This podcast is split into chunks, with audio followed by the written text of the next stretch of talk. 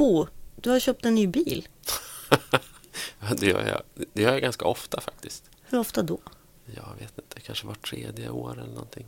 Ja, någonting sånt. Jag kör ju väldigt mycket bil alltså. Typ 3-4 tusen mil om året. Kanske. Du är inte miljöpartist alltså? Hur ska jag transportera mig i Norrland? Det är som en svårknäckt, svårknäckt nöt. Detta. Mm. Är, det en, är det en miljöbil? Ja, jo, det kan man väl säga. Det är en sån här modern dieselbil som inte drar så himla mycket. Mm. Mm. Mm. Eh, den... det är en BMW. Är det? Jag vet inte. Jag har inte, jag har inte kollat faktiskt. Ehm, Men den var otroligt smutsig. mm. Det, Mm. jag, jag håller den så. Precis. Den är, För att som, kompensera för att det är en BMW. den är som lackad på fronten med mygg. Och bakluckan, du ser inte knappt ut genom bakrutan. Nej, nej. Nej. Det är damm från norrländska vägar. Och det är medvetet som du undviker att, att tvätta bilen, har jag förstått. Jag trodde väl kanske att man skulle kunna ha en sån där bil för att det är en bra bil.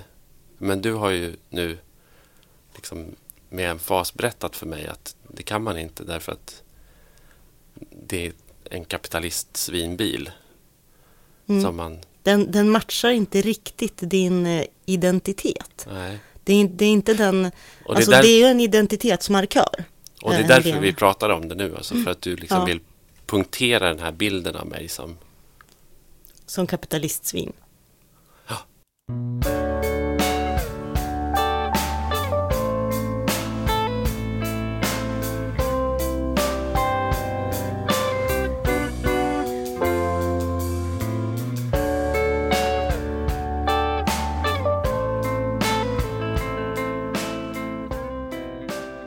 Norrlandspodden av Mittmedia smakar bäst till en norrländsk delikatess.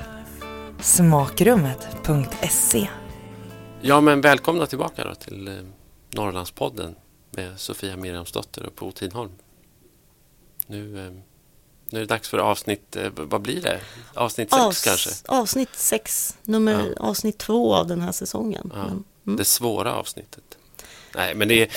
Ja, alla avsnitt är svåra på sätt och vis. Men, men eh, nu har det ju varit ett val och eh, vi ska försöka fokusera på det helt enkelt. På någon slags eftervalsanalys kanske. ja, Och lite metadebatter och eh, det ena med det andra.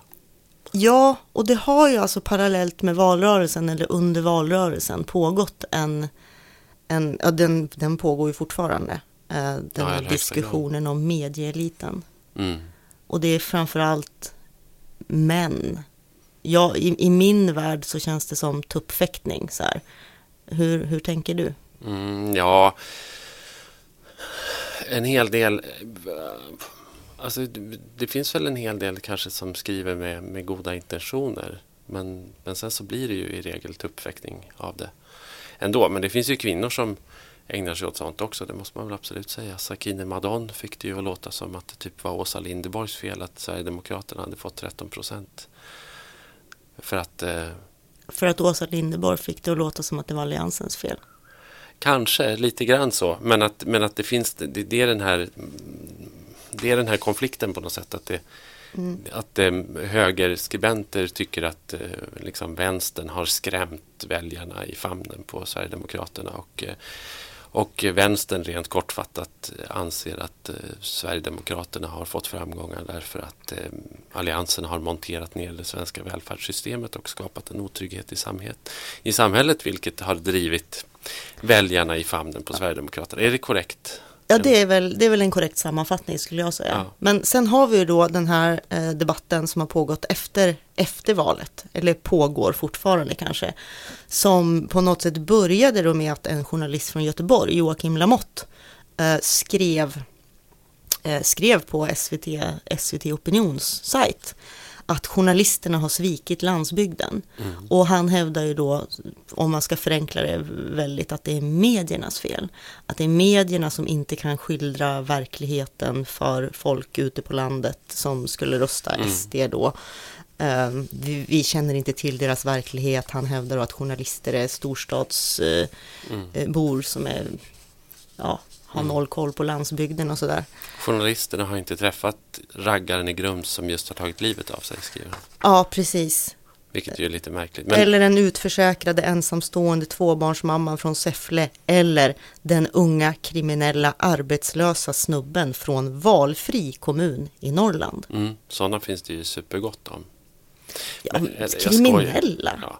Alltså den där debattartikeln är ju väldigt dålig och, och usel på väldigt många sätt. Och det är en väldigt tillspetsad och ganska kass argumentation. Men i grund och botten så, så alltså det finns ju en poäng i det. Alltså det, det måste man ju absolut säga att medierna har svikit landsbygdsbon. Eh, och eh, inte bekräftat landsbygdsmänniskans eh, vardag och utmaningar och eh, Ja, han, alltså, han Det- fick ju lite mothugg. mm, Jag- känner att jag måste avbryta här. Och då var det då en annan journalist eh, bosatt i Stockholm, mm. eh, Kristoffer Det är där de bor. Ja, ju- precis. Eh, inte Lamotte då, han bor i Göteborg. Mm. Men- eh, men eh, Kristoffer Östlund eh, som då, han började med att ranta på Twitter Mm. och skrev att eh, vi vet visst liksom. Och så började han Mm. berätta om sitt eget liv. Och att han eh, inte har något fast jobb och är Mm. arbetslös och har dåligt med pengar och är belånad upp över öronen och frånskild på grund av eh, på grund av dåliga arbetsvillkor och så vidare. Sådär. Och kom inte att säga att vi inte har koll på verkligheten. Jag hakade också på lite grann, fast jag hakade mer på Kristoffer Russlunds beskrivning av att journalister är också vanliga människor. Eh, Men det han beskriver, eh, det är ju mer det här prekariatet. Ja, precis. Då måste man kanske säga vad prekariatet är. Men Ja, prekariatet är, varsågod. ja, men det, det, det är den nya liksom, skaran på arbetsmarknaden som lever i otrygghet och hoppar mellan olika vikariat. Eh, och eh, mediaprekariatet existerar ju i allra högsta grad, men det är ju, det är ju ett Stockholmsfenomen också. Ja, det, för finns fu- ju inte på Det landet. funkar ju inte att leva i i ett prekariat på- utanför Stockholm därför att alltså det, för det finns inga liksom, påhugg i i mediebranschen man kan hoppa runt mellan. Det finns ju i och för sig Så då i, i, i den här koncernen som, som ju står bakom den här podden, Mm. Mittmedia, så finns det ju numera ett, ett bemanningsföretag.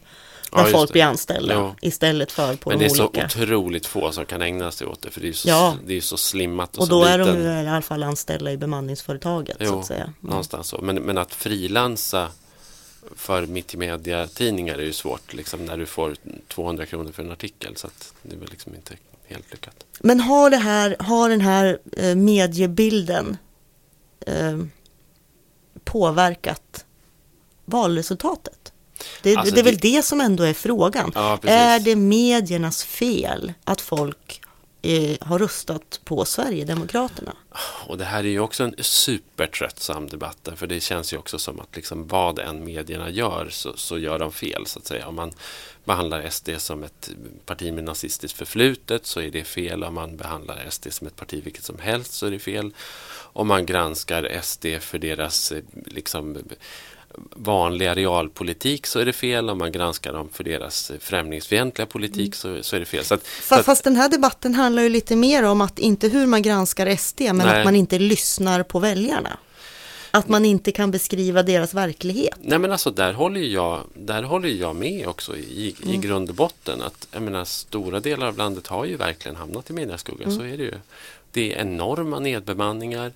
Eh, alltså lokalkorrespondenter har ju försvunnit från de allra flesta orter. Eh, TT har dragit in, TV4 har dragit in sina lokalredaktioner. Eh, och, och liksom det var ytterst länge sedan Expressen, Aftonbladet, Svenska Dagbladet, DN hade liksom personer ute på fältet. Och när de skickar ut folk så är det för att skriva om någonting extremt exotiskt eller underligt eller någonting som bekräftar bilden av just den regionen. Och är det i Norrland så är det alltid en bild på en ren. Liksom. Så att det är klart att bor man i en avkrok av Sverige. Man behöver inte ens bo i en avkrok. Man kan ju för sjutton bo i Sundsvall. Så, så, så får man ju inte sitt liv speglat eller bekräftat eller beskrivet i Riks. de nationella medierna i någon särskilt stor utsträckning. Utan det är den urbana normen och det är Stockholms medelklassproblem som, som är på agendan. Men- Så det, det går ju liksom inte att förneka. Men sen om det i sin tur då leder till att att SD liksom tredubblar eller fyrdubblar sina mandat i, i samtliga norrländska kommuner. Det, det, det, tycker jag man kan låta vara osagt nästan, för det, det känns ju inte det är, det är också så här att ute i de här kommunerna, även om den nationella bevakningen äh, har krympt äh, när TT försvinner och, mm. och äh, så glömmer vi ju, tycker jag, alla lokaljournalister. Alltså det finns ju ändå i Norrland ganska många journalister. Det finns lokaltidningar, eh, det, Sveriges Radio har redaktioner, sänder lokala program. Mm. Eh, SVT gör ju det fortfarande, även om det har bantats. Mm. Så finns det ju lokal bevakning.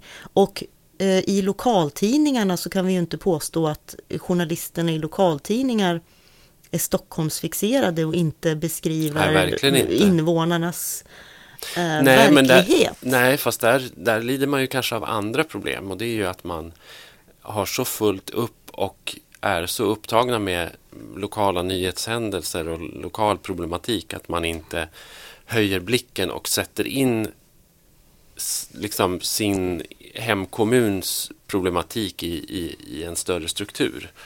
Eh, och det tycker jag verkligen är ett problem. Det, det, skulle man ju behöva ägna sig åt och det säger ju alla också om man är ute och pratar med journalister på landsortstidningar eller, eller på P4-stationer runt om i, i Norrland så säger ju alla att ja, men jag önskar verkligen att jag kunde men, men eh, man har inte tid och, och, man kanske inte heller liksom har självförtroendet och kompetensen alla gånger.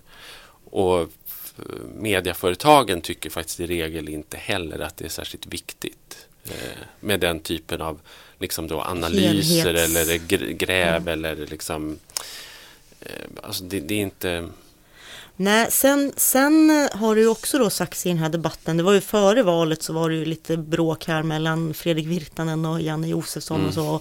Och Virtanen hävdar och flera andra också att ja, ja, men vi journalister i Stockholm de flesta av oss kommer ju någon annanstans mm. ifrån. Vi är födda ute på landet. Det är jättemånga norrlänningar som har flyttat till Stockholm och jobbat som ja. journalister och därför har en förankring.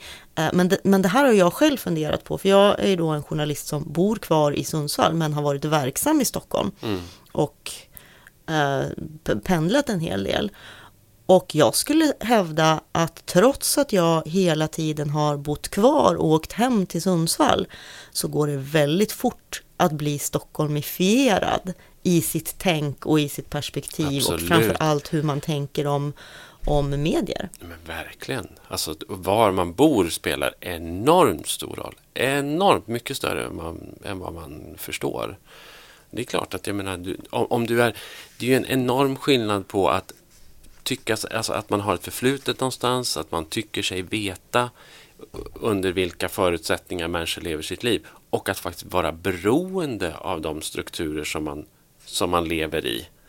Alltså, om, jag, menar, jag, jag skulle säga, det, det, gör all skillnad alltså att man, att man är beroende av den här kommunen som man bor i, mm. den där jävla norrländska skitkommunen som går på knäna och och liksom kämpar med olika halvtaskiga näringslivssatsningar för att få, försöka mm. liksom få folk i arbete. Och om man då själv är beroende av den kommunen i, i så mått att man har sina barn i omsorg eller i skola där, att man behöver hjälp och vård, att man liksom så här beroende av den kommunen för att få gatlysen eller vägar som funkar eller bredband eller vad det är. Alltså det gör verkligen all skillnad och att det, det, det perspektivet tror jag inte man begriper riktigt om man bor i Stockholm faktiskt.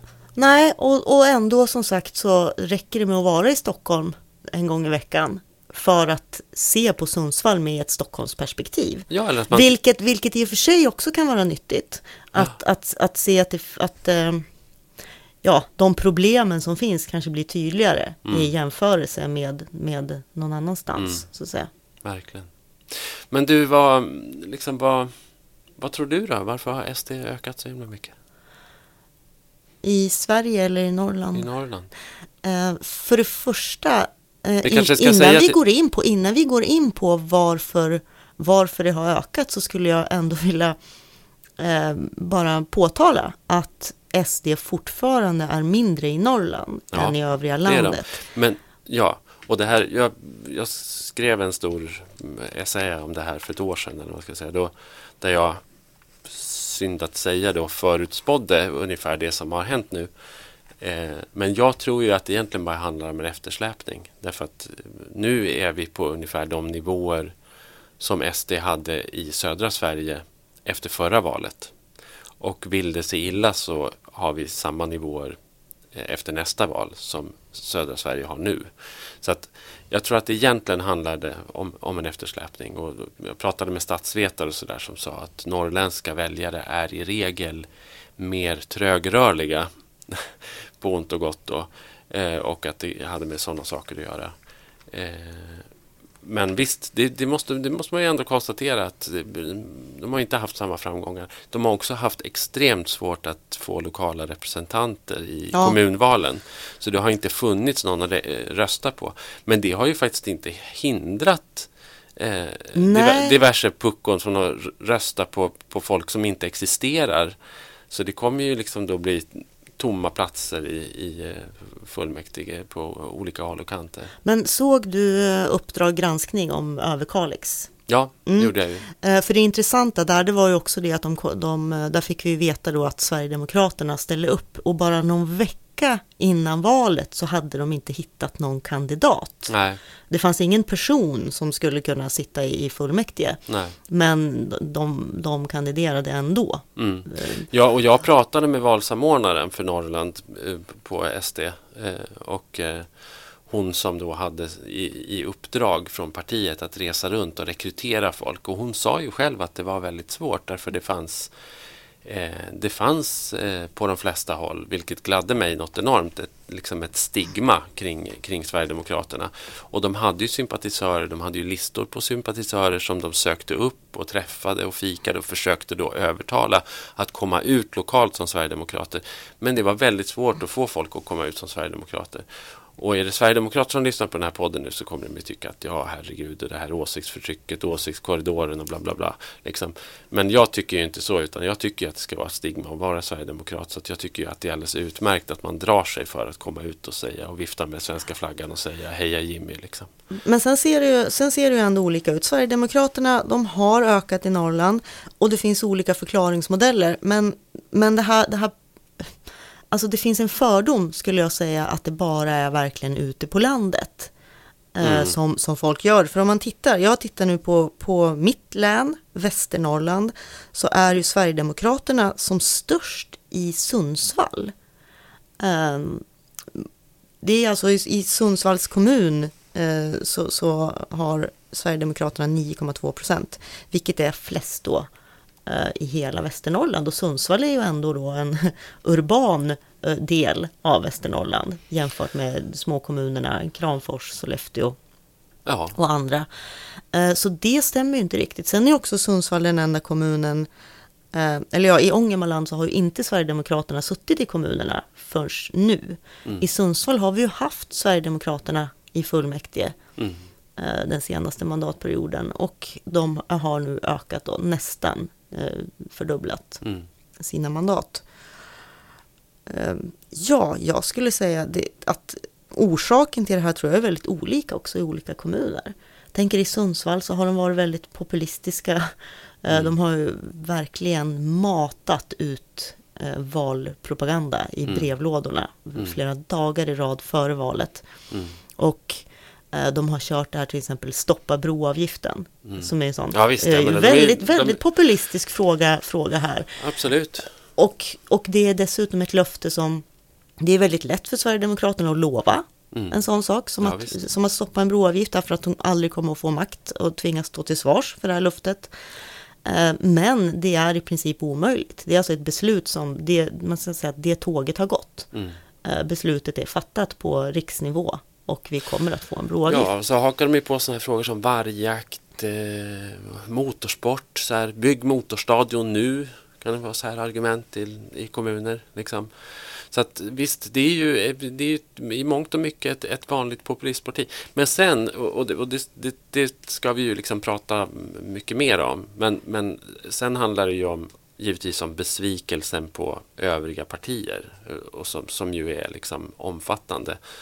Och det finns ju också flera exempel på norrländska kommuner där, där det har skett en, en total förändring i, i liksom opinionen och mandatfördelningen under, efter det här valet.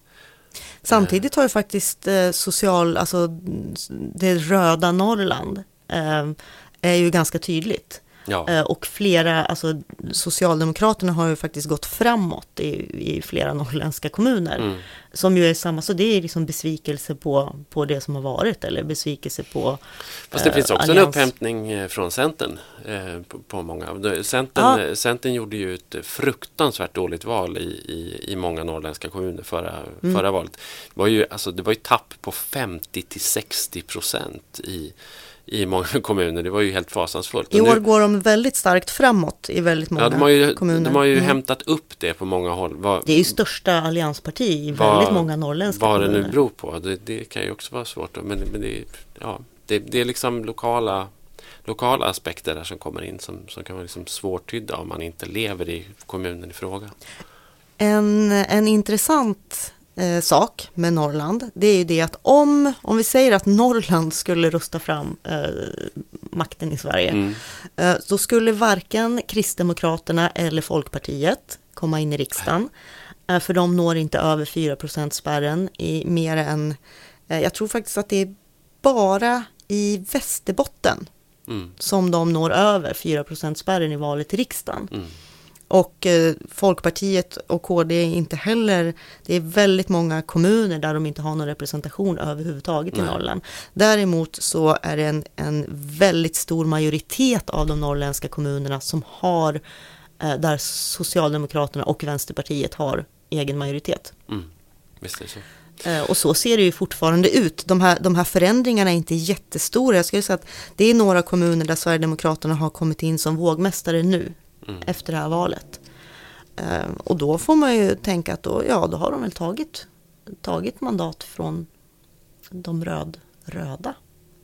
Kanske. Ja, och från Moderaterna som ju också som vi backar eh, ganska stort eh, i många norrländska kommuner också. Så Men Arjeplog från- från en- till exempel, jätteröd kommun. Ja, Eh, Där i och för sig Socialdemokraterna och Vänstern fortfarande har majoritet. mm. Eh, Men det här med Folkpartiet och KD tycker jag är ganska intressant. Eh, Man skulle kunna tänka sig då så att i, i liksom så vissa kristna kommuner i, i Västerbotten att KD skulle vara framåt där. Men där tror jag snarare att eh, liksom bondenerven i, i, i människorna är starkare och därför så, därför så röstar man fram Centerpartiet. Och, De är större i Örnsköldsvik, som är då ses som ett litet så här, Norrlands motsvarighet till Jönköping. Eh, Mm. Stark frikyrkorörelse och sådär. Där får faktiskt KD eh, 6,9 procent tror jag. Men Ja, det är, det är, det är väldigt unikt. Ja, ett rekord med Ja. Mm. norrländska mått mätt. När det gäller Folkpartiet tycker jag att det är intressant för att Folkpartiet är ju någonstans eh, ett parti som alltid har handlat ganska mycket om alltså, teoretisk ideologi. Och jag tror att norrländska väljare har en tendens att dra sig till eh, maktpart maktpartier och det praktiska och, och liksom sådär. De vill ha partier med handlingskraft som, som eh, liksom styr upp och ordnar jobben och administrerar. Och man kanske så här inte har varit så väldigt intresserade av den här idédebatten som Folkpartiet har ägnat sig åt. Så, att, så det är inte lätt att vara liber- liberal i Norrland. Sen har ju Folkpartiet gått dåligt ska vi säga i, i hela landet. Generellt Alltså ja, Folkpartiet precis. har ju tappat eh, mer än väntat i, i valet. Absolut. Men, men det här med, med den norrländska pragmatismen. Ja. Eh, Det, finns ju, det finns ju en del intressanta kommuner. Vi, ska, Mm. vi, ska vi komma in på det? Alltså Överkalix, eh, som ju då Uppdrag granskning handlar Mm. om. Det tycker jag är jättefascinerande. Ja. Där då alltså en koalition med eh, Vänsterpartiet, Miljöpartiet, eh, Centern, Folkpartiet och Moderaterna nu har eh, tagit över efter valet, Mm. eh, kommunstyret i kommunen. Eh, och de har alltså gjort gemensam sak eh, för att eh, fälla Socialdemokraterna som har haft egen, eget styre i 80 år. Ja. Och, och det, här är ju, eh, det här är ju väldigt pragmatiskt att oj då, för att, för att få bort sossarna, för att få Ja. maktskifte så måste vi alla samarbeta. Vänsterpartister sida vid sida med moderater. Fast sen slutade det i och för sig med att, att Centerpartiet och Vänsterpartiet fick egen majoritet i valet. Så att de behöver faktiskt inte ha med sig de övriga partierna för att kunna bestämma. De kan göra upp eh, utan Moderaterna. Men, men de gick till val gemensamt för och i syfte att ta bort eh, Socialdemokraterna från makten. Och, menar, och då måste man ju fråga sig så här.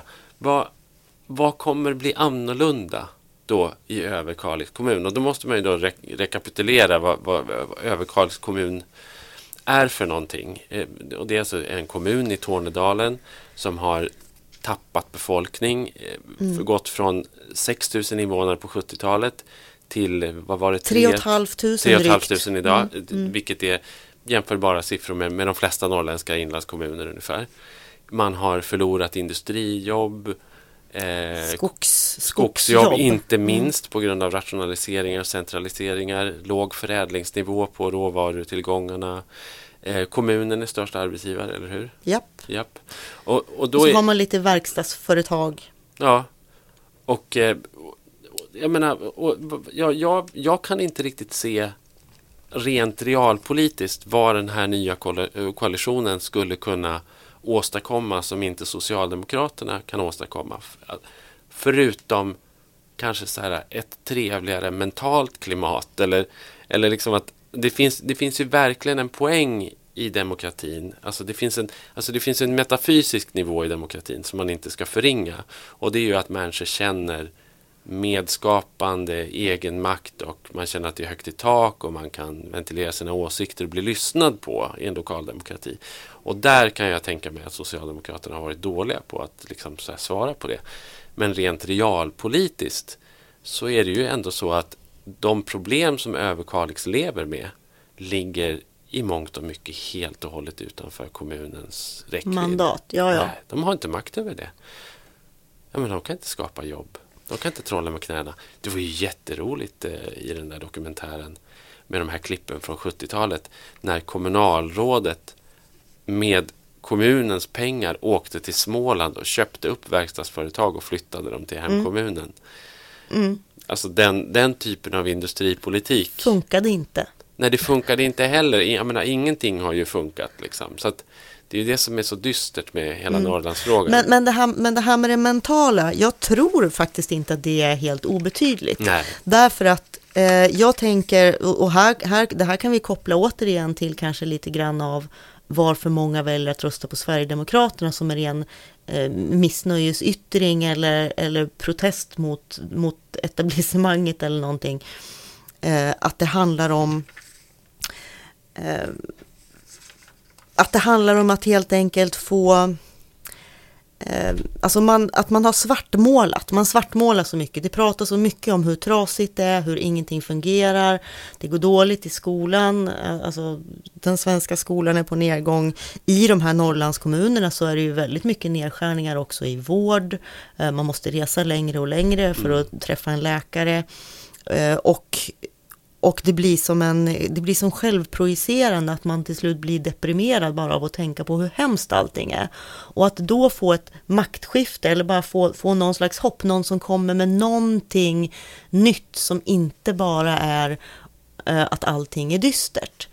Eh, att det rent, att, att få, eh, få lite hopp liksom, mm. kan, tror jag kan påverka. Och jag tror inte att det bara handlar om mentalt mående därför att om människor mår mentalt bättre så tror jag också att man åstadkommer mer. Så blir de bättre entreprenörer? Ja.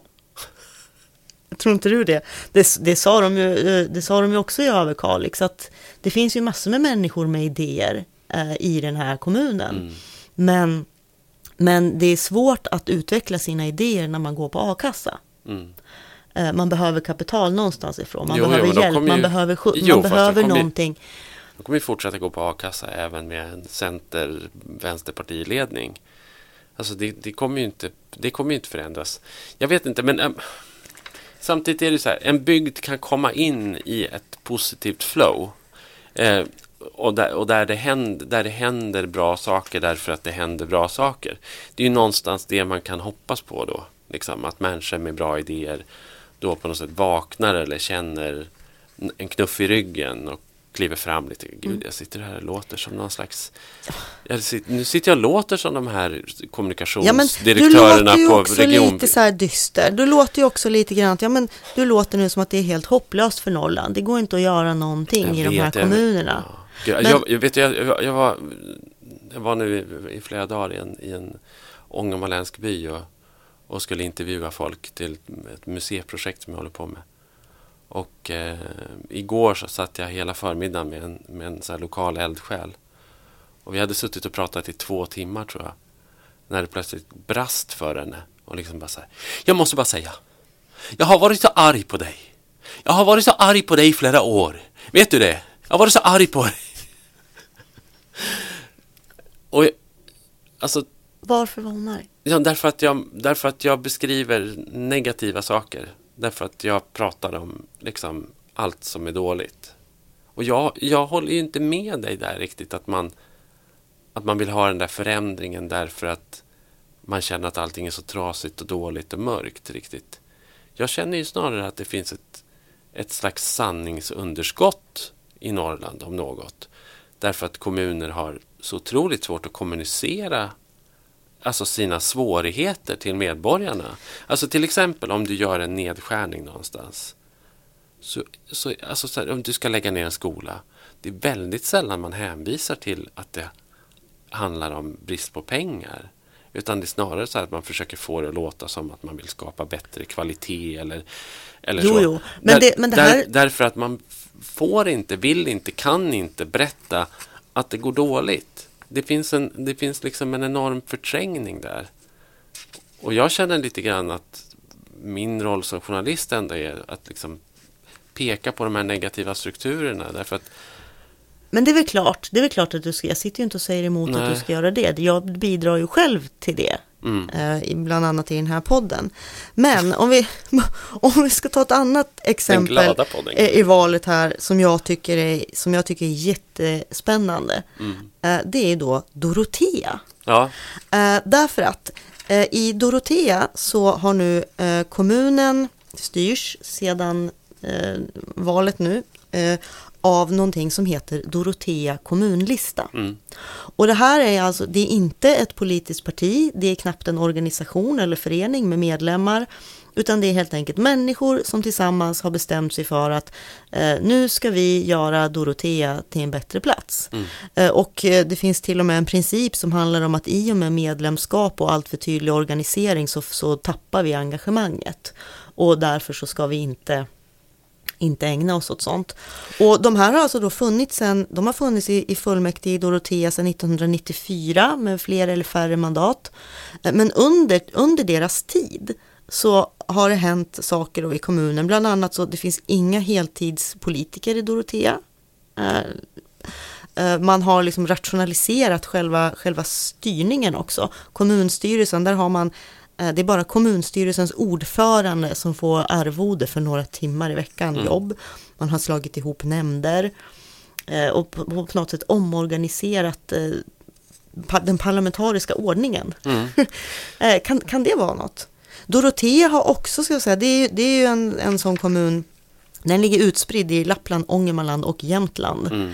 Eh, den här lilla, lilla kommunen. Mm. Eh, det finns 2757 invånare, den senaste siffran, eh, som har sjunkit då på 70-talet var det ungefär 4000. Mm. Men de har inte tappat lika mycket i procent som då till exempel Nej. Överkalix. Nej, Man har satsat ganska mycket på flyktingmottagning och Mm. så. Och jag har varit en hel del Dorotea.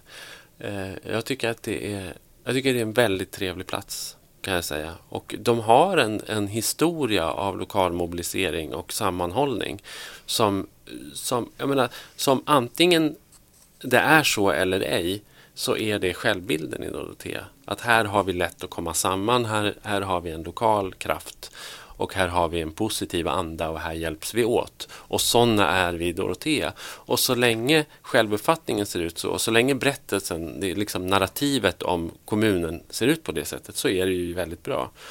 Sen har de den här, eh, de har den här Polarfabriken, de gör husvagnar. Eh, och, eh, och sen så har ett gäng äldre människor nu i snart två år ockuperat eh, sjukstugan i Dorotea i protest mot att eh, Västerbottens landsting eh, drog tillbaka vårdplatser på, på sjukstugan. Och, eh, så de, de turas om att bo där i, i, eh, i, liksom i hallen, i entréhallen till, till eh, Dorotea sjukstuga. Och jag har varit där och träffat dem ett par gånger och pratat med dem. Och jag har också varit och föreläst i Dorotea. Det kom hundra personer när jag föreläste i Dorotea en tisdag kväll på Medborgarhuset. Och det var en man som ställde sig upp. Det har hänt på rätt många ställen i och för sig där jag har föreläst att det ställer sig någon och håller ett brandtal för, för Norrland och nu stänger vi av strömmen och nu dämmer vi upp älven och nu bränner vi broarna över Dalälven och nu kapar vi loss. Men det som hände i Dorotea var inte att någon att folk började skruva på sig och blev illa till mods och tyckte att det var jobbigt och tyckte att den där karln skulle sätta sig. Utan när han var färdig så ställde sig alla upp och jublade. Så att alltså, det, finns en, det finns en anda i Dorotea som jag, som, jag tycker är, som jag tycker är helt fantastisk faktiskt. Så att se där, jag kan vara positiv också. ja, det kan du. Eh, en, an, en, annan intressant sak när man tittar på, på eh, det, ja, valresultatet, det är alla de här små partierna, mm. små lokala partierna. I Kiruna till exempel sitter det 12 partier i fullmäktige. Mm. Och då kan jag säga att Folkpartiet är inte Nej. ett av dem. Nej. Nej. Nej. Nej. det är ju, alltså, Kiruna ju, har ju varit liksom politisk kaos mm. länge och väl kan man säga. Mm. Att det... Uh, i, nu, efter, nu i det här valet så kom Feministiskt initiativ kom in, fick ja. ett mandat. Sverigedemokraterna kom också in med mm. ett mandat. Uh, men sen så har man då också Kirunapartiet, mm. Samelistan, Norrbottens sjukvårdsparti som finns i flera kommuner. Uh, och så har man någonting som heter Knegarkampanjen. Mm. Eh, som har funnits ett tag, eh, kom in, kom in i fullmäktige förra året. Jag tycker den verkar bra den där knegarkampanjen, förutom namnet, för att jag tycker att knegare låter låt, inte det låter inte norrbottniskt. Nej, nej. Och, och, försök säga knegare på, en, på, med någon norrbottnisk dialekt, det är helt omöjligt. Man, man, det, det, låter liksom Stockholms bara man säger det. Ja, knegare. knegare. knegare. Gå på kneget. Mm. Och det tycker inte jag. Att, jobb, att jobba i gruvan, det kan ju inte vara ett kneg. Eller hur? Nej. Det är det enda jag har emot det. Annars, ja. annars tycker jag om det där parlamentariska. Det är en väldigt, väldigt, som, som jag har förstått då, jag, nu är inte jag jätte, jätteinsatt, men, men det är en arbetarrörelse verkligen mm. som, som är fokuserad på gruv, gruvverksamheten och på den här flytten av Kiruna stad. Mm. Som, det man kan säga om det parlamentariska kaoset i Kiruna är att alla de här partierna egentligen alltid förhåller sig till Socialdemokraterna som på något sätt har hur stora eller små de än är så är så, så är på något sätt Socialdemokraterna är stadens norm och, eh, och det starka maktpartiet. Så när det startas nya partier så förhåller de sig alltid till Socialdemokraterna på ett eller annat sätt. Att partiernas främsta liksom, syfte är att trycka Socialdemokraterna liksom, tillbaka eller framåt eller högerut eller vänsterut eller så. Liksom.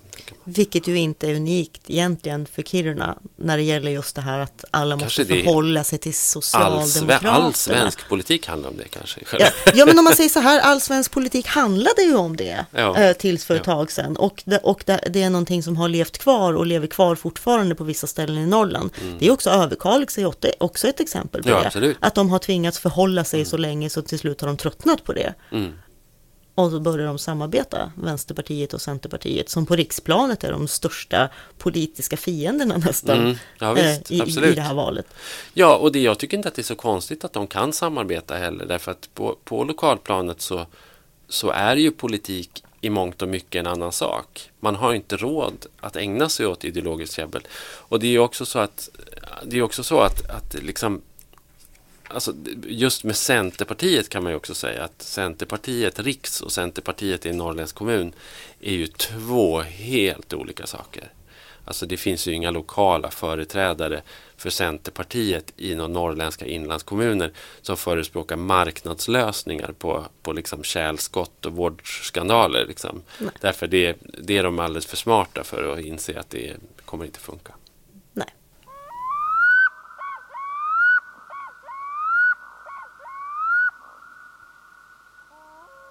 Eh, hade du någon aning om att tydligen så är Västerbotten eh, det, eh, det, den plats i Sverige där föräldrar är som allra mest kreativa när det kommer till att ge sina barn namn? Alltså jag hade kanske trott att det var en sån här um, en, någon idé som skulle då komma ur så här Torgny Lindgren-böcker där folk heter Spadar, nej vänta, det är ju faktiskt Sara Lidman bok, Spadar Abdon. Men, men liksom att, att i den här västerbottniska litteraturen så heter ju folk väldigt underliga saker. Och då hade jag kanske tänkt att det gör de nog inte i verkligheten, men det gör de ju. Ja, de gör det. Och alltså det finns, eh, det finns en hel bok om just västerbottniska förnamn Ja. som jag har fördjupat mig lite i. Den, boken heter Jag heter Serudia, Ja. eh, för det är då ett västerbottniskt förnamn. Fantastisk Eh, bok. Den, den här boken är skriven av en Kristina Falkengård. Och hon har ju då också sökt upp människor med de här konstiga namnen eh, och även deras barn ifall de här personerna är avlidna och försökt att ta reda på var de, var de kommer ifrån. Och hon har också dragit en slutsats som jag tycker är jätte, jättefin på, på något sätt. Där, hon, där hon menar då att de här föräldrarna i, väst, i det in, inlandet, framförallt i Västerbotten, de hade många barn och lite pengar. Och det enda de kunde skicka med sina ungar var stiliga namn. Mm. Eh, Och de var varken statare eller torpare, det fanns ingen överhet som kunde bromsa och präster gick att kringgå. Så att det fanns ingen som stoppade, eh, stoppade alla möjliga konstiga namn. Men det finns ju också exempel på då när prästerna så att säga har döpt om barn. Eh, som, som det finns i den, här, i den här boken finns det då beskrivet om en, en man som heter Lony. Mm. Alltså L-O-N-Y. Och varför han fick det namnet var, han skulle egentligen heta Conny. Men prästen hörde fel eh, när prästen då skulle döpa det här barnet och skriva in honom i kyrkböckerna och skrev Lony. Och då blev det hans namn och de här stackars föräldrarna vågade inte säga emot prästen. Nej. Alltså det är ju fantastiska namn i den här boken. Ja, ska vi verkligen- göra en liten lista? Ja, det, det är nästan omöjligt. Ja, Men, eh, man, vill ju, man, man skulle vilja läsa hela boken högt nästan. Ja, ja, det är fantastiska namn. Det är verkligen fantastiska namn. Och många, många känns ju lite som att de är hämtade ur Bibeln, men lite missförstådda. Sådär. Att det liksom är karar som heter Jabex, till exempel. Vilket låter som någon slags blandning av, av, av Gamla Testamentet och en postorderfirma. Ja, ja, verkligen. Det finns tydligen någon firma, tror jag, i Täby som heter Jabex. Ja, Eh, vad det nu var för firma. Eh, ja, men det finns, eh, eller fanns även en man som hette så. mm. Eh, Basilius. Mm, det kan få vara med. Jag fastnade för det där namnet Smärr. Helt- Men du får inte skratta nu. Alltså det är, Nej, ändå, men- det är, så, det är människor som heter det här. Alltså Smär, Smär Ove Henry. ja. Eh, från, Lever fortfarande, Från? Storuman. Eh, eh, född 51 tror jag. Ja, då- och, det, och han då fick sitt namn därför att hans mamma hade läst en bok som hette Genoveva, eller Genoveva. Och där stod det då om en person som hette Smär Sendrik. Mm. Och hon blev så förtjust då så hon, hon lät sitt barn heta Smär. Men han är ju inte ensam om det, utan det finns ju flera som heter det. Så att, ja. Men du, eh, kon koncertina var väl ganska fint va? Koncertina med K. Ja, Ja. ja och eh, Cleofina. Mm. Eller den här kvinnan som skulle heta Maud, men som fick heta Mod. Det tycker jag är jättefint Det är på jättefint. riktigt. Det skulle... och, och sen de här eh, eh, siffernamnen. Eh, en kvinna som får heta åtta. För att hon var nummer åtta i syskonskaran. Mm. Eh, ja, sen, sen har de ju väldigt många så kreativa dubbelnamn. Det är lite grann ditt specialintresse. Ja, jag vet. Bill Roger, Tord Roland, eh, eller varför inte Ulla-Matti. Eh, och så sådana här omöjliga som egentligen man tycker att de borde ligga obekvämt i munnen men sen gör de inte det ändå. Sivgun. Ja. Ja, Pi Ann-Charlotte. ja. Det är liksom man, man bara upphäver all... Sen finns det också de här som låter lite grann som, som Pippi Långstrump. Ja, Eh, du vet alltså Pippi Vic- Victualia. ja, Eh, så finns det en som heter Cerudia Eufrosina. ja. Det ska inte vara lätt. Nej. Nej, den är toppen. Vi rekommenderar eh, Jag heter Serudia av eh, av Kristina Falkengård. Fantastisk bok, därför att den också har de här fantastiska berättelserna som inte vi Mm. hinner dra här. Nej, precis. Om varför, varför de här personerna heter som de heter. Ja, och kanske en uppmuntran till alla också att faktiskt så här, bryta sig loss ur det här Hugo, Var lite mer kreativa. Hugo-träsket. Ja.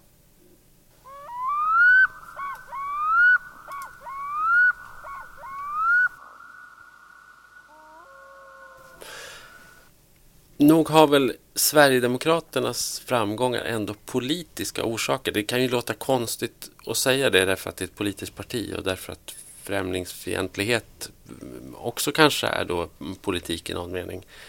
Men nog kan man väl ändå säga att Sverigedemokraternas framgångar har politiska anledningar. Alltså att det kanske faktiskt ändå handlar om förändringar i välfärdssystemet som har upprört människor och gjort dem ängsliga. Ja, det där är ju en, en förklaring eh, som väldigt ofta kommer ifrån, ifrån vänster. Eh, som jag tycker, alltså jag har... För det första så tänker jag då att eh, det, är klart att det ligger någonting i att eh, människor som är rädda för sin egen, eller oroliga snarare, eh, Mm. när det gäller den egna överlevnaden eller den egna framtiden, eh, har, har en benägenhet att på något sätt sparka neråt. Mm. Eh, Du läste kanske såväl som väldigt många svenskar eh, i veckan som gick den här eh, artikeln som var på Aftonbladet Debatt från en, en kille i Sydsverige som var ung och som hade röstat på Sverigedemokraterna därför att eh, det var så det många kom ut... utländska långtradarchaufförer Ja, och tog jobben. ja, Mm. Jo, men Och- jag, jag, jag tror ju så här, eh, den, den här politiska förklaringen som, som jag ändå tror att du är ute efter. mm. eh, där- ja du är ju, Ja, du är ju ledar, liberal ledarskribent, Ja, men Sofia. precis. Ja, jag är ju det. Och jag köper inte riktigt det här att ja, men det Alliansen har slagit sönder välfärden och därför röstar folk på Sverigedemokraterna. Jag, jag köper inte det Vad på finns, det det, vad finns det sättet. annars för förklaring? Eh, om man säger så här, för det första så ser jag det inte riktigt som att Alliansen har slagit sönder välfärden. Eh, jag ser att det har hänt saker, försämringar i sjukförsäkringssystem och i a-kassesystem. Men eh, vad som glöms bort i den diskussionen, det tycker jag ändå är det internationella perspektivet. Och att, att förstå att Sverige till skillnad från på liksom 70-talet, alltså vi lever i en mycket, mycket mer globaliserad värld där vi påverkas mycket mer direkt av händelser i andra länder. Och den här höger, liksom extremhögervindarna som blåser i Europa, eh, de förekommer ju även i länder som är välmående, som, eh, där, där, där inte motsvarande har hänt som i Sverige. Det, ja, men, det är ju så.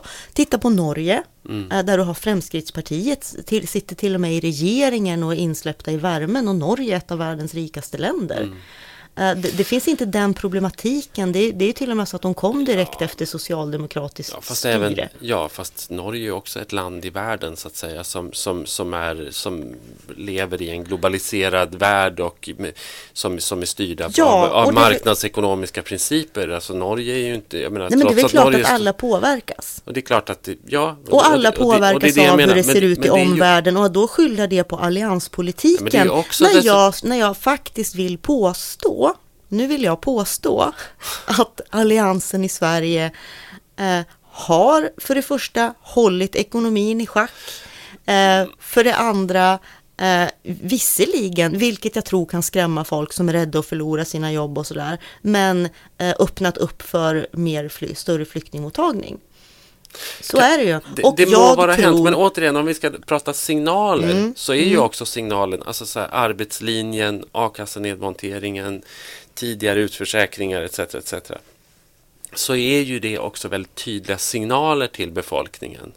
Alltså det är fan inte lätt att vara arbetslös i en, i en svensk landsortskommun. Och det blir inte lättare av att dels trygghetssystemen förändras och dels att man har liksom då en, ett etablissemang som talar om arbetslinjen och ingår du inte i arbetslinjen kan du inte liksom få fason på ditt liv. Då, och, och så samtidigt då alltså den globaliserade världen, eh, marknadsliberalismen, alltså konkurrensen från utlandet, Eh, alltså, det, här, det, här är ju ändå en, det här är ju ändå en regering som i steg efter steg har velat luckra upp eh, arbetsmarknadslagstiftning till exempel, sänka ingångslöner och sådana saker. Och öppnat upp för arbetskraftsinvandring och så. Alltså det, det, det ironiska i sammanhanget är ju Ja, men men jag, jag, ska, jag, jag vill ändå, eh, jag tänker så här, vi har i, i världen eh, de senaste åren eh, haft en ganska djup ekonomisk kris i, i hela västvärlden. Ja. Och där jag ändå vill påstå att Sverige har klarat sig ganska bra. och, att våra, och att våra välfärdssystem i ett globalt perspektiv är faktiskt någorlunda är, intakta. är någorlunda intakta. Och går att ja. rädda. Och, och, liksom, ja. och jag säger inte att, att det här eh, det här med de försämringar som har gjorts i Sverige. Jag säger inte att det inte har påverkat. Självklart har det påverkat, men det är ju absolut inte ensam förklaring. Därför att jag tror, eh, alltså jag är lite trött faktiskt på eh, på den här förklaringen att de som röstar på Sverigedemokraterna, det är liksom människor som lever i utanförskap och känner sig inte lyssnade nej, på. Nej, men det är de inte. Men politiken har ett signalvärde, Sofia. Det är det, det, är det du liksom bortser ifrån här. Ja, visst, Sverige har klarat sig bättre än alla andra länder i krisen.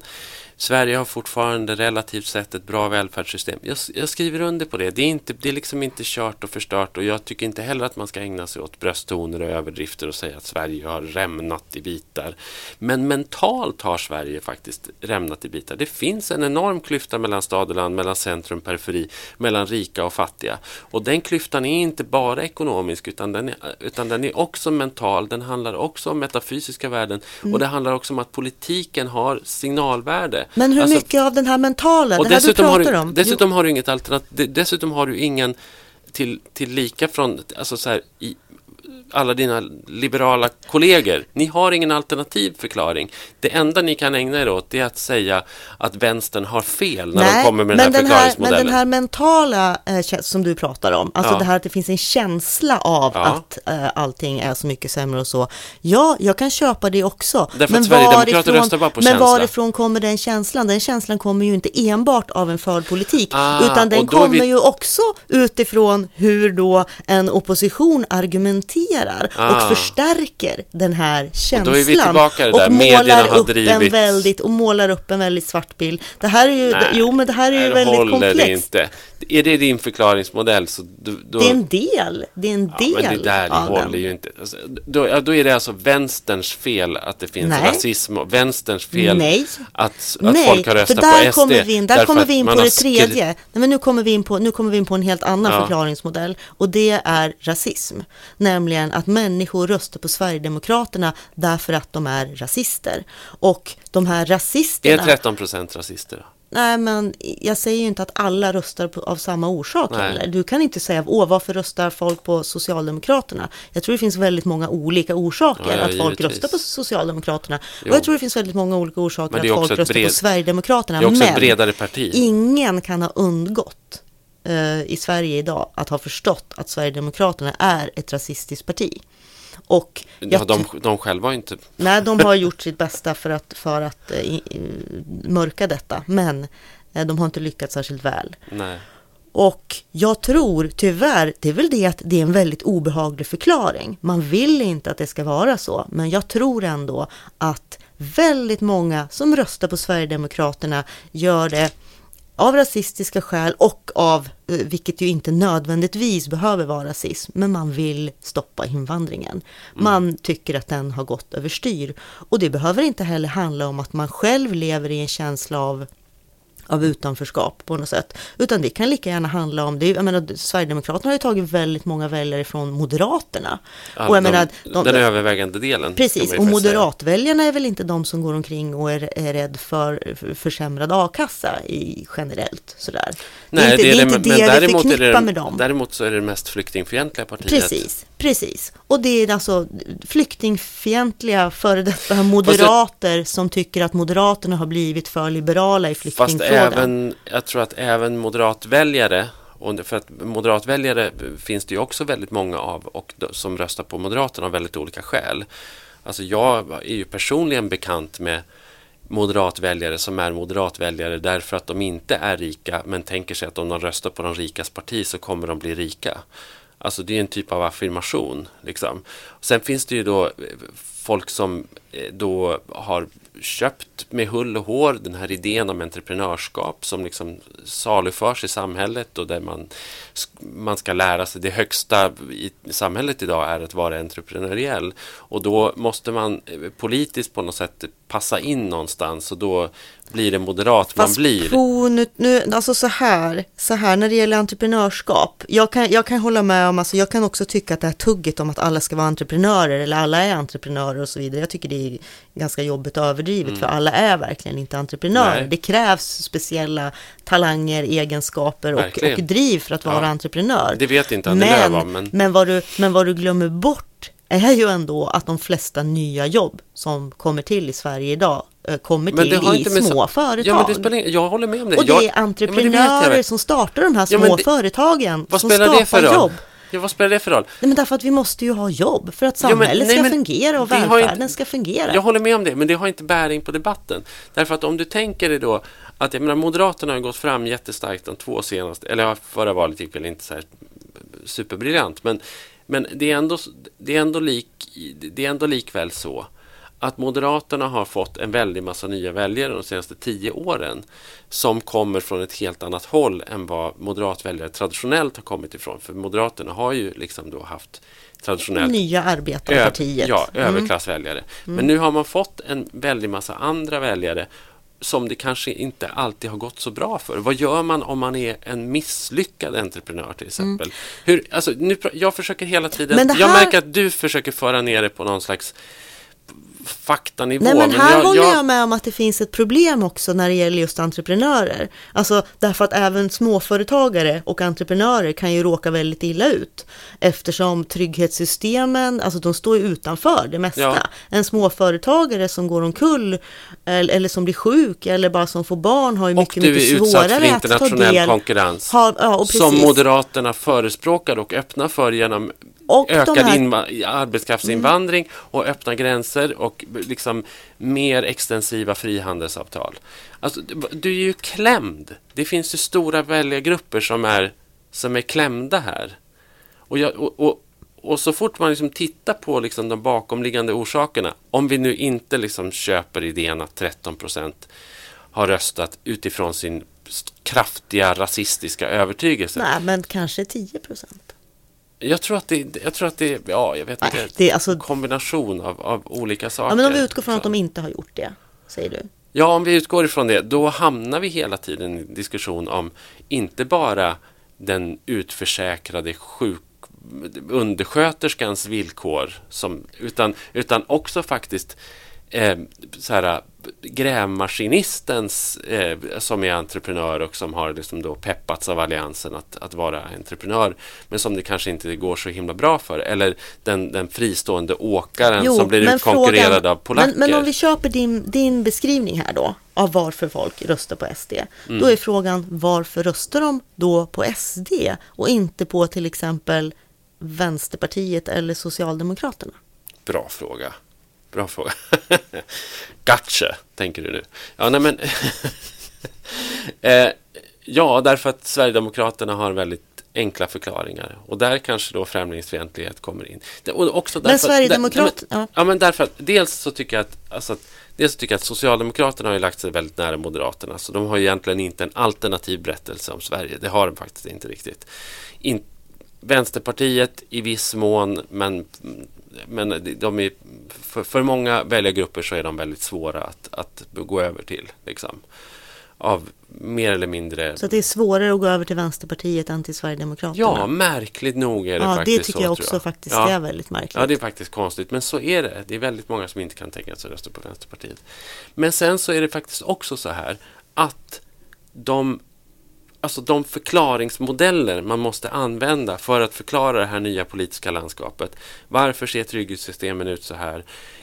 Hur, hur funkar globaliseringen? Hur funkar olika branscher? Hur funkar offentlig sektor i, i ett marknadsliberalt system? Det är otroligt komplicerade förklaringsmodeller. Och det, det, går inte, det går inte att ragga väljare på någonting sånt. Då är det mycket lättare att bara säga stäng, stäng gränserna, ge pengarna som nu går till är somalier ju- till tant Agda. Ja, och det här är Pang. ett jättestort demokratiskt problem generellt.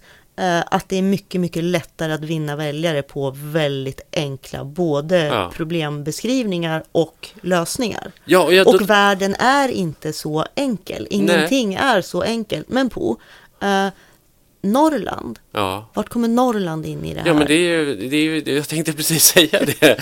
Därför att det här är ju hela, det här är liksom också hela delförklaringen till, till liksom Norrlands kris och polit, politikens kris någonstans. Att, att, alltså norrlänningen är ju också maktlös. Norrlänningen röstar också i många gånger mot sitt eget förnuft. Norrlänningen har kanske inte alltid förstått vilka strukturer han eller hon eller hen... Vems fel är det? Ja, det är kanske delvis medias fel. Att vi borde i större utsträckning finnas på plats och förklara Du, du förklara var ju inne tidigare också på att politikerna själva kan vara lite dåliga på att förklara varför de fattar Verkligen. vissa typer av beslut. Gud, och de vet inte ens om varför de fattar de där besluten själva många gånger. Utan de fattar dem därför att de tycker att de är duktiga. Eh, nu kommer vi in på en annan sak Ja. som jag också tycker är intressant. Eh, nämligen det här med kommunpolitiker som ju är lekmän. Eh, Mm, po- kommunpolitiker verkligen. är ju amatörer Ja. och, och lekmän. Eh, är det extra mycket så i Norrland tror du? Nej, det tror jag inte. Det tror jag är generellt utanför storstadsområdena. Att, att vi har politiker som är mm, ja, kanske till och med lågutbildade och, och liksom... eh, Alltså det Är det bra fin- eller dåligt? det är ju på något sätt demokratins pris måste man väl säga. Det, det är väl det, liksom att vi, vi vill ha ett folkstyre. Alltså i grund och botten är det, det är en fantastisk teoretisk modell, liksom den svenska demokratin. Eh, men det haltar ju, liksom därför att eh, jag tror också att vi får eh, allt, allt större problem med det i Norrland. På, på många ställen. Mm. Ja, Därför- jag tänker på utflyttning och inte minst utflyttning av akademiker Ja. som flyr. Absolut, Och- Me- medelklassen finns inte på plats Och då längre. saknas ändå utbildat Ja. folk eller välutbildade Ja, eh, personer. och, så det, och det kommer ju liksom tillta. Det är ju så. Jag menar, det, norrländska politiker är ju i regel kanske svetsare, sjuksköterskor, eh, strutsfarmare eller, eller liksom eh, Men nu ro, har, vi, nu har vi ju faktiskt en, en norrländsk svetsare som blivande statsminister Ja. om allt går som det verkar. Ja, ska vi avrunda med hur vi tror att det kommer påverka rikspolitiken? Det kan vara intressant. Vad tror Hur du? kommer det att påverka Norrland? Ja, hur, vad tror du? Eh, hur, ja, jag tror inte att vi kommer att märka så mycket att han är eh, ångermanlänning. Det tror jag inte. Eh, möjligen kommer vi att märka, alltså jag, jag vet inte, jag känner mig lite så här, jag är inte jätteförtjust i tanken på att Stefan Löfven ska vara statsminister. Nej, men du är ju liberal Nej ledarskribent. men det handlar inte, nej, det handlar, det handlar inte om, om, om parti här nu, utan det handlar Nej. om person faktiskt. Jaha, okej. Mm. Eh, Jag hade föredragit eh, både Mona Sahlin och eller Göran Persson, f- fram, fram, Mm. Oj. ja Mm. till och med det, fram, framför Stefan Löfven. Mm. Han känns, han känns lite för mycket eh, snäll farbror, lite för lite landsfader. Mm. Eh, Han kan nog växa i rollen, tror jag, lika väl som vem som helst, tror jag. Eh, vad, men om man ska tänka sig hur det kan påverka Norrland så tror jag dessvärre att, eh, att det inte kommer påverka överhuvudtaget. Därför att alltså för Löfven specifikt, tror jag, och för socialdemokratin i allmänhet så tror jag helt enkelt att eh, regionalpolitik är exakt samma sak som industripolitik. Ja. Och för Löfven så tror jag att, att det liksom är Norrlandspolitiken har ett primärt mål och det är att Hägglund ska finnas kvar i Örnsköldsvik. Ja, och det är jag liksom tror så här- säkert att han gärna ser lite mer gruvor också för det lite, jobben. ja, och lite mera gruvor och sen så är det jätteviktigt med skogsindustrin att den rullar på, att man hugger ner träden och, och att SCA får, Mm. Får timmer till massafabrikerna. Liksom. Och det är inte, det är inte Nej. lösningen på Norrlands dilemman, det kan jag ju säga. Och, och med en statsminister med, med, med den övertygelsen så kommer vi inte komma framåt på fyra år. Men du Po, nästa podd, Mm. då försöker vi lösa Norrlands dilemman tycker jag. Ja, Det jobbar vi på. Mm. Och så pratar vi om eh, tanken på eh, Norrland som en, som en egen nation kanske. Ja, kanske det. Ja. Ja,